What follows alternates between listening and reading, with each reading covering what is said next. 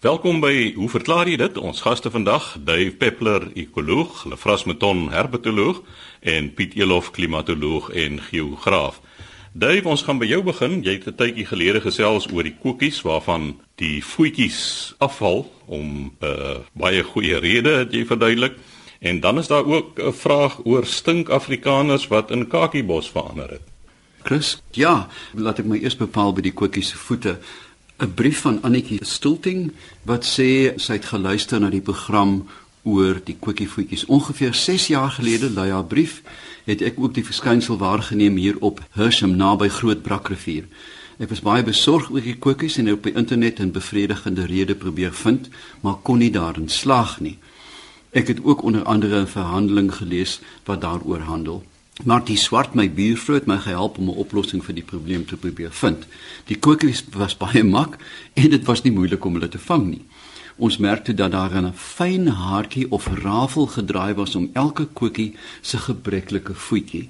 Ons het besef dat dit die oorsaak was van die koekies se belemmerde voetjies. Die haartjies om die voetjies het die bloedsomloop belemmer. Koekies se toenails is gekrom na onder en daarom gebeur dit dikwels dat hulle hare en rafels optel. Mati het gebruik gemaak van 'n haartangetjie, 'n vergrootglas en 'n skertjie. Sy het die haartjie versigtig afgedraai. Soms was die haartjie so diep ingedraai dat sy gesukkel het om dit los te kry. Een van die koekies se voetjies was nog min geskaad, maar hy het 'n haar met 'n lengte van ongeveer 20 cm saamgesleep.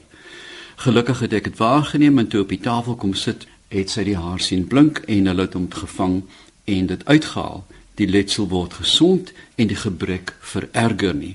Doet so voort met die program. Baie dankie, dis 'n baie interessante opmerking. Ek het dit nog nie teëgekom nie, maar ek dink is nou die moeite werd om met nuwe oë te kyk na Kotjie se voete. Jy weet as jy hoor tif tik tif tik as hy met sy horrelvoetjie verbykom, kyk gerus op. Kyk teen die son, sien of daar haar is en laat ons weet of dit 'n algemene verskynsel is. Dan 'n brief van Clive Shonken wat tot sy verbasing sê hy vertrou dat dit goed gaan en dat ek nog boogronds arbei. Nou ja, wel dit is so, ek is nog boogronds, maar hy het iets beleef wat hy graag kommentaar opsoek. Hy het op 'n stadium marigold of soos ons dit noem afrikanertjies, plantjies aangekoop en laat groei. Dis nou die ou stink afrikanertjie met die geel blommetjie. Nadat die plantjies klaar opgekom het of geblom het, het ek 'n hele spul saad opgevang en geberg het so rukkie gelede besluit om die saad te saai. Plantjies het nie op hulle laat wag nie en sommer vinnig opgekom en welig begin groei spreekwoordelik hare op die hond se rug. Hy het 'n foto ingesluit. Die plante is so hoog dat hy sy buurman se huis nie kan sien nie. Die plantjies wat veronderstel is om miniatuur Afrikanetjies te wees, staan tans sonder blom, so 2 meter hoog.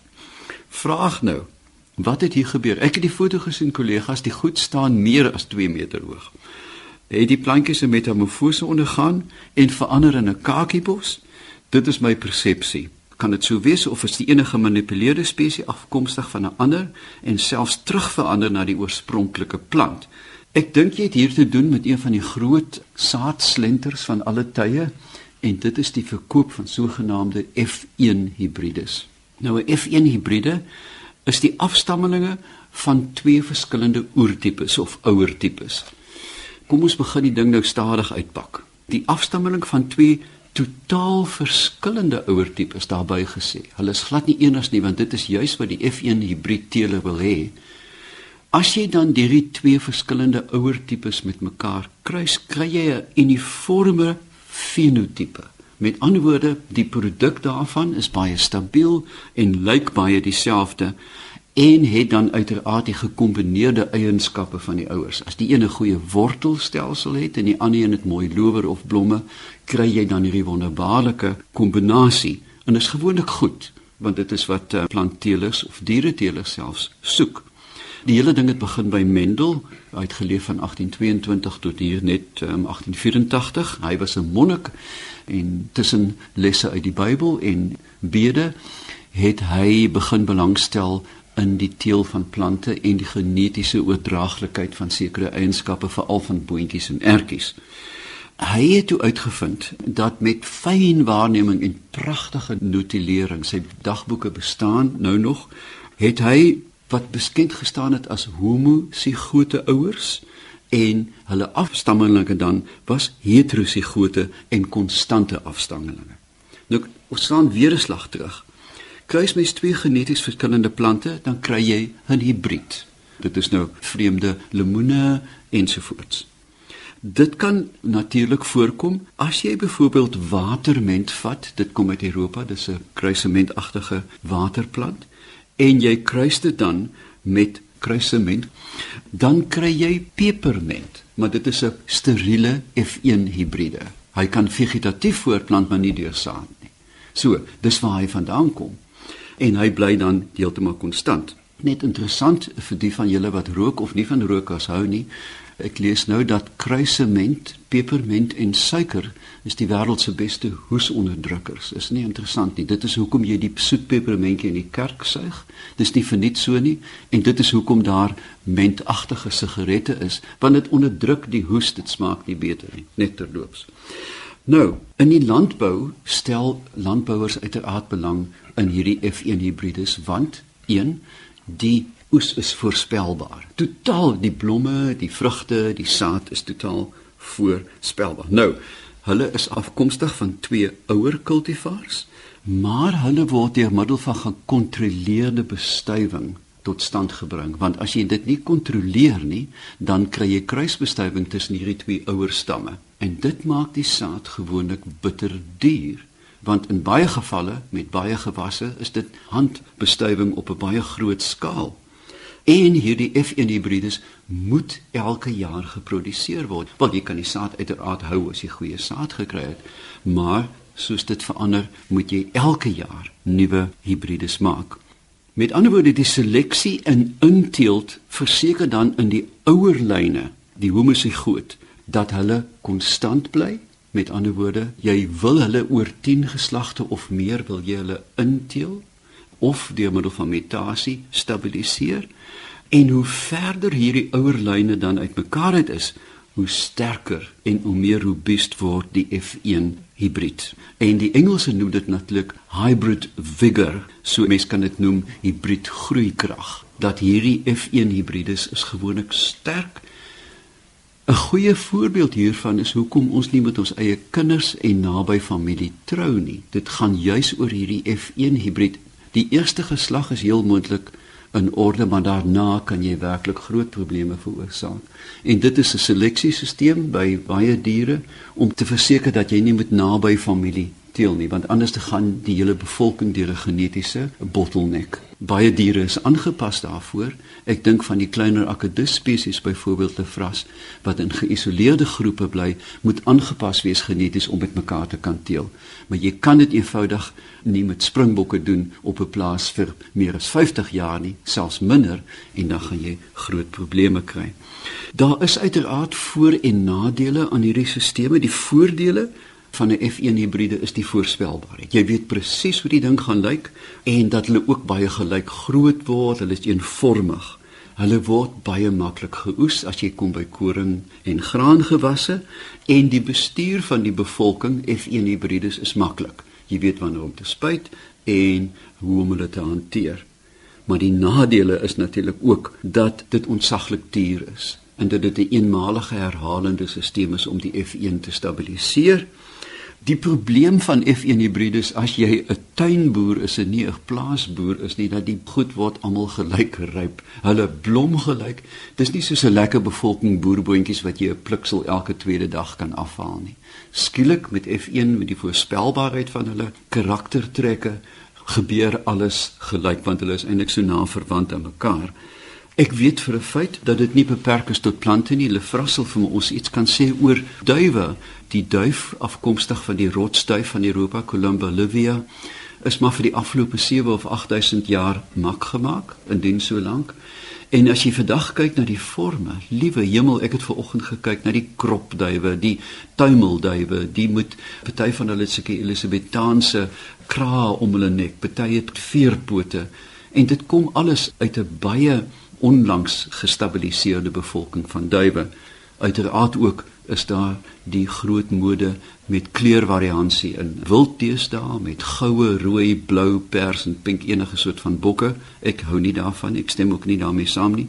Maar ek wil graag 'n bietjie by my kollegas hoor eerstens oor duwe. Dit is so hulle vras dat hierdie F1 hibrid ook 'n probleem is. As ons nou praat oor duwe, dan gaan ek my nou beperk tot wetvlugduwe.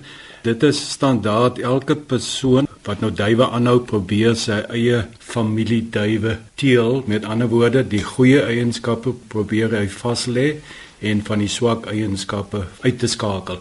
En om dit te doen gebruik hulle dan nou hoofsaaklik inteling. Met ander woorde familie pa met dogter of oupa met kleindogter ensovoorts en dan op 'n stadium gaan daardie duwe 'n goeie teelduwe wees dalk maar nie sulke goeie vliegduwe nie. En om nou weer die hibridkrag terug te kry, sal jy daardie familieduwe wat nou baie ingeteel is, dan nou kruisteel met buitestanders. En dan het jy baie goeie vliegduwe as gevolg van die hibridkrag.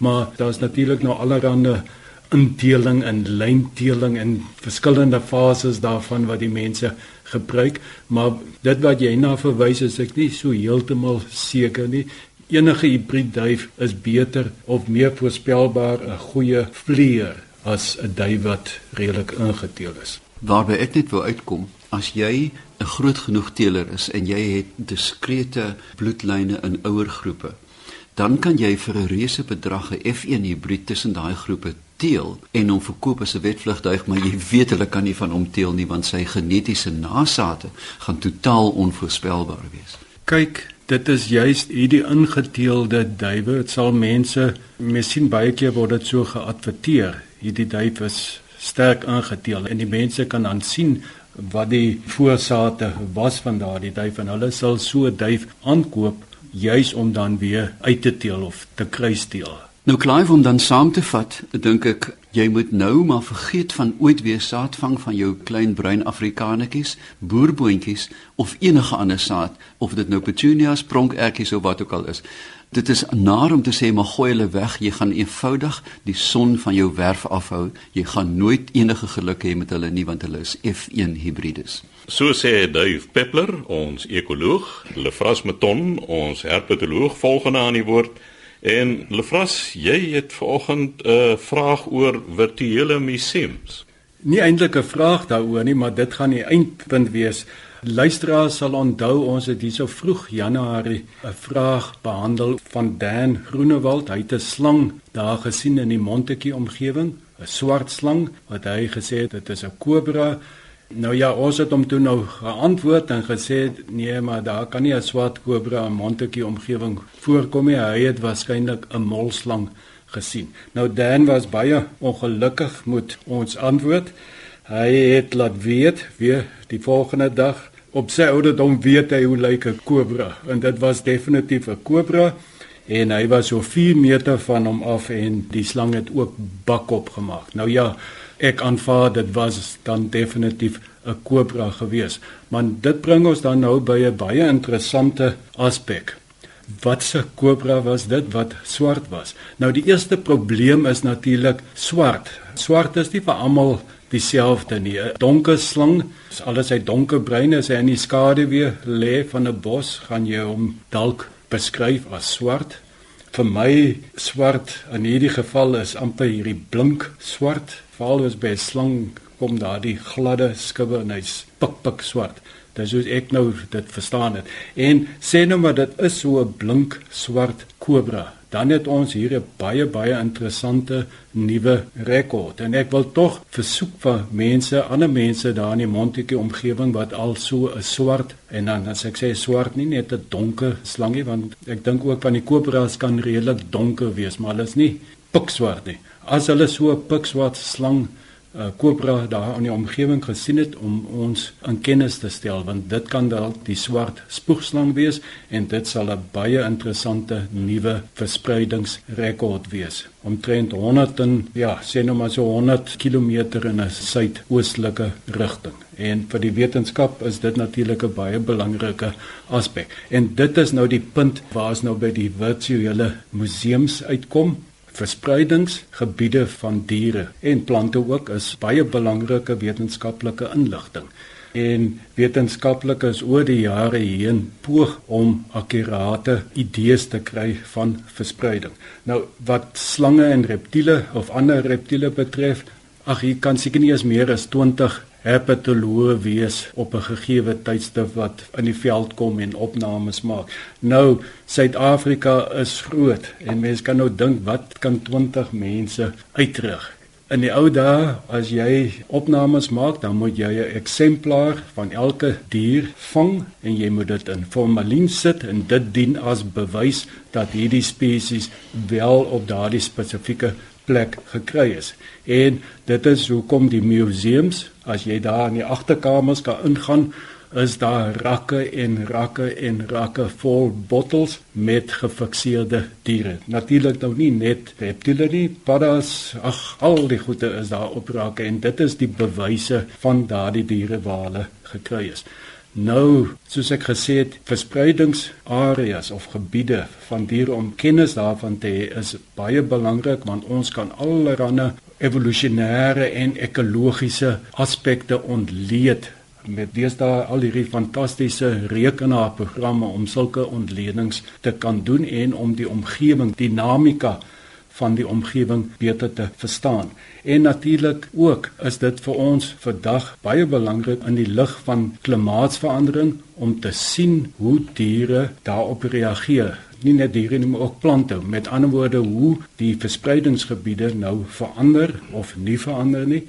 En ons kan nie verwag van hierdie 20 herpetoloë of hoeveel daar ook in elke groep is om elke jaar nou die hele land te gaan platloop om dan nou weer nuwe data in te samel. En dit is nou deesdae so wonderlik met die koms van selfone, met die koms van al hierdie klein goedkoop kameraatjies wat op die mark is. Elke Jan Rap en sy maat het nou 'n kamera van een of ander aard by hom en daar's hierdie geweldige toename in mense wat kom ons sê maar in ekotourisme. Mense wat in die veld ingaan wat dit geniet om rond te loop en om na diere en plante te kyk en ook te wil weet wat dit is. En nou kan ons deur net 'n foto te neem, is dit die rekord dat die dier daar voorgekom of die plant daar gekry is, waar hom gekry is. En die selfoon gee ook sommer koördinate Alles is baie maklik en al wat nou moet gebeur is daardie inligting moet nou gegee word aan 'n museum. Nou is dit ook so fantasties dat ons nou deesdae hierdie virtuele museums het. Met ander woorde is nie 'n werklike gebou nie. Dit is op die internet. En dit is dan Universiteit Kaapstad. Hulle die ADU, dit was in die ou dae die Avian Demography Unit, dit is nou die Animal Demography Unit. Hulle het vir allerlei verskillende diergroepe is daar so 'n museum waar jy jou foto kan gaan oplaai. Een of ander kenner gaan dit identifiseer en so kan elke Jan Rap en sy maat kan nou 'n bydrae maak tot die wetenskap, tot die verspreidings van diere en plante. Jy kan ook daarop die tuisblad kan jy as jy die dier kon identifiseer, sou jy kon intik en dit gaan vir jou 'n kaart gee van die huidige verspreiding en dan kan jy sien of jou punt wat jy nou gekry het buite dit lê en of dit 'n nuwe rekord is. So ek het gekyk op hulle tuisblad, kan ek dit net vinnig lees daardie tuisblad adres is nou http dubbelpunt skynstreep twee van hulle VMIS vir Virtual Museum in Afrikaans maar dieselfde VMIS.adi.org.za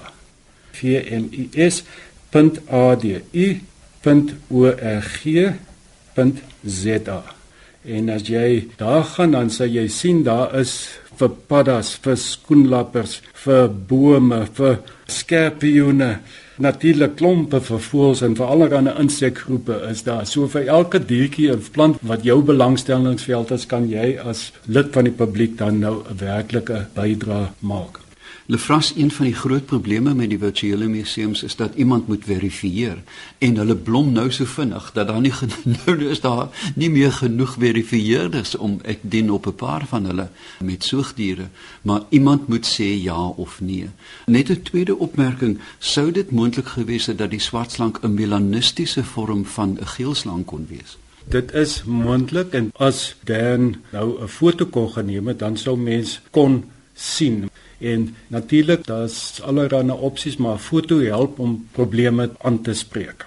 So om net dan af te sluit, dankie Dan. Ons wag dan op vir verdere oproepe van daai kant af en hopelik via die virtuele museum. So sê Lefras Meton, ons herpetoloog, laas dan die woord Piet Elof, ons klimatoloog en geograaf. Nou Piet, jy het so tydjie gelede oor wit reënboë gesels en jy terugvoer daaroor ontvang. En dan is daar 'n luisteraar van Orania wat wil weet hoekom kan hy saans in die winter Lukhof se liggie sien maar in die somer nie. Chris, ja, ek het hier 'n baie interessante terugvoering gekry van Dr. Karl Heinz Kruse.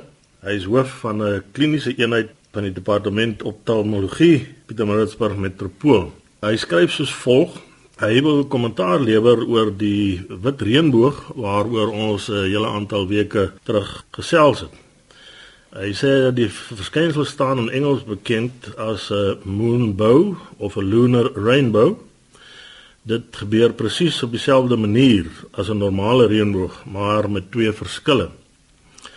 Nou ons het in die gesprek wat ons gehad het 'n tydjie gelede verwys na ek wil amper sê die natuur verskynsels wat veroorsaak dat daar so reënboog verskyn. Nou in hierdie geval sê hy as die reënboog ontstaan as gevolg van maanlig.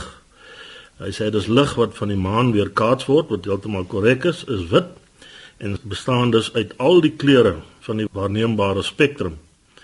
Die prismatiese effek van klein druppels reën mis is presies dieselfde as die van groot druppels en die wit lig met 'n maanboog word dus ook in al die kleure geskei. En hy sê as jy 'n foto van die reënboog neem, en jy gebruik 'n baie stadige sluiterspoed, sal die kleure duidelik sigbaar wees. Nou die feit dat ons dit nie so duidelik sien nie is omdat die maanlig nie heeltemal so intens is soos wat die sonlig is nie. Maar dit is aangeteken dat daai kleure wel sigbaar is. Hy sê nou in die donker of die skemer gebruik ons oë oorwegend kelkies in die retina om lig waar te neem. Met die drie verskillende kelkies, blou, groen en rooi, sien ons in daglig al die kleure van 'n reënboog. Hy sê sodra dit egter donker raak, gebruik ons oor die retinale stafies wat meer sensitief is, maar wat net monokroom sien. Ons retinale stafies neem dus die gekleurde maanboog as wit waar. Nou Karl-Heinz, ek wil vir jou baie dankie sê hiervoor dat vul ons kennis aan rondom die hele kwessie oor die wit reënboog. Ons het gekyk na wat buite in die natuur affekteer, jy kyk wat binne in die oog aangaan.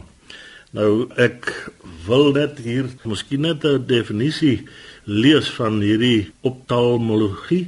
Ophthalmology is the branch of medicine that deals with anatomy, physiology and diseases of the eye.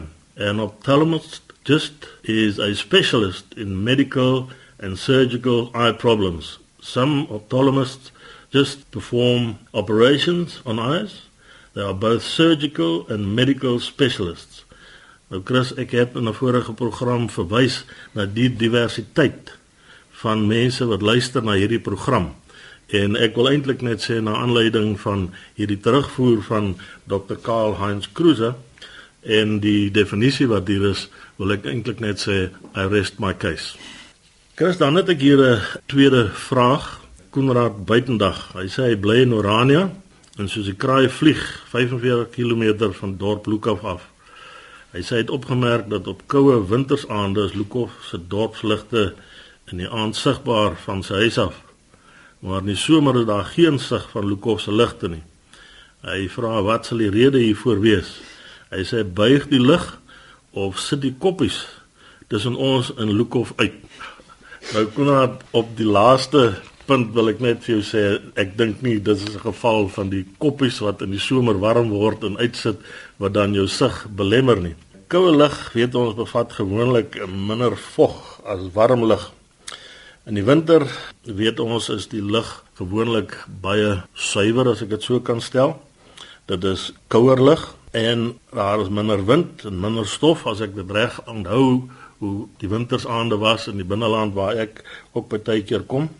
Maar dan moet ons ook aanvaar dat die koue lug is digter. Met ander woorde, die buiging of refraksie van daardie ligstrale is dan gewoonlik afwaarts en dit beteken dat jy daardie ligte gaan sien. Dit is maar net dieselfde geval, die buiging van die ligstrale wanneer jy die son op die horison sien, is hy eintlik effektief al onderkant die horison, maar dis daardie buiging van die ligstrale wat maak dat jy hom nog net bo kan die horison sien. Natuurlik in die somer is die lug minder dig en die hoër humiditeit. In die somer is maar die reentyd gewoonlik in die binneland. Daar's dikwels wind en stofdeeltjies wat die verstrooiing van daardie ligstrale effektief aanhelp en baie van daardie ligstrale word dan wil ek amper sê opwaarts verstrooi sodat jy hier op die grond in Orania nie die ligte van Lukov sien nie. Dit is uh, min of meer soos ek die saak opsom en ek sê vir jou baie dankie vir die vraag wat jy aan ons deurgestuur het. So sê Piet Elof, ons klimatoloog en geograaf. Skryf gerus aan ons met vrae en stuur dit aan hoe verklaar jy dit? Posbus 2551 Kaapstad 8000 of stuur 'n e-pos aan chris@rsg.co.za.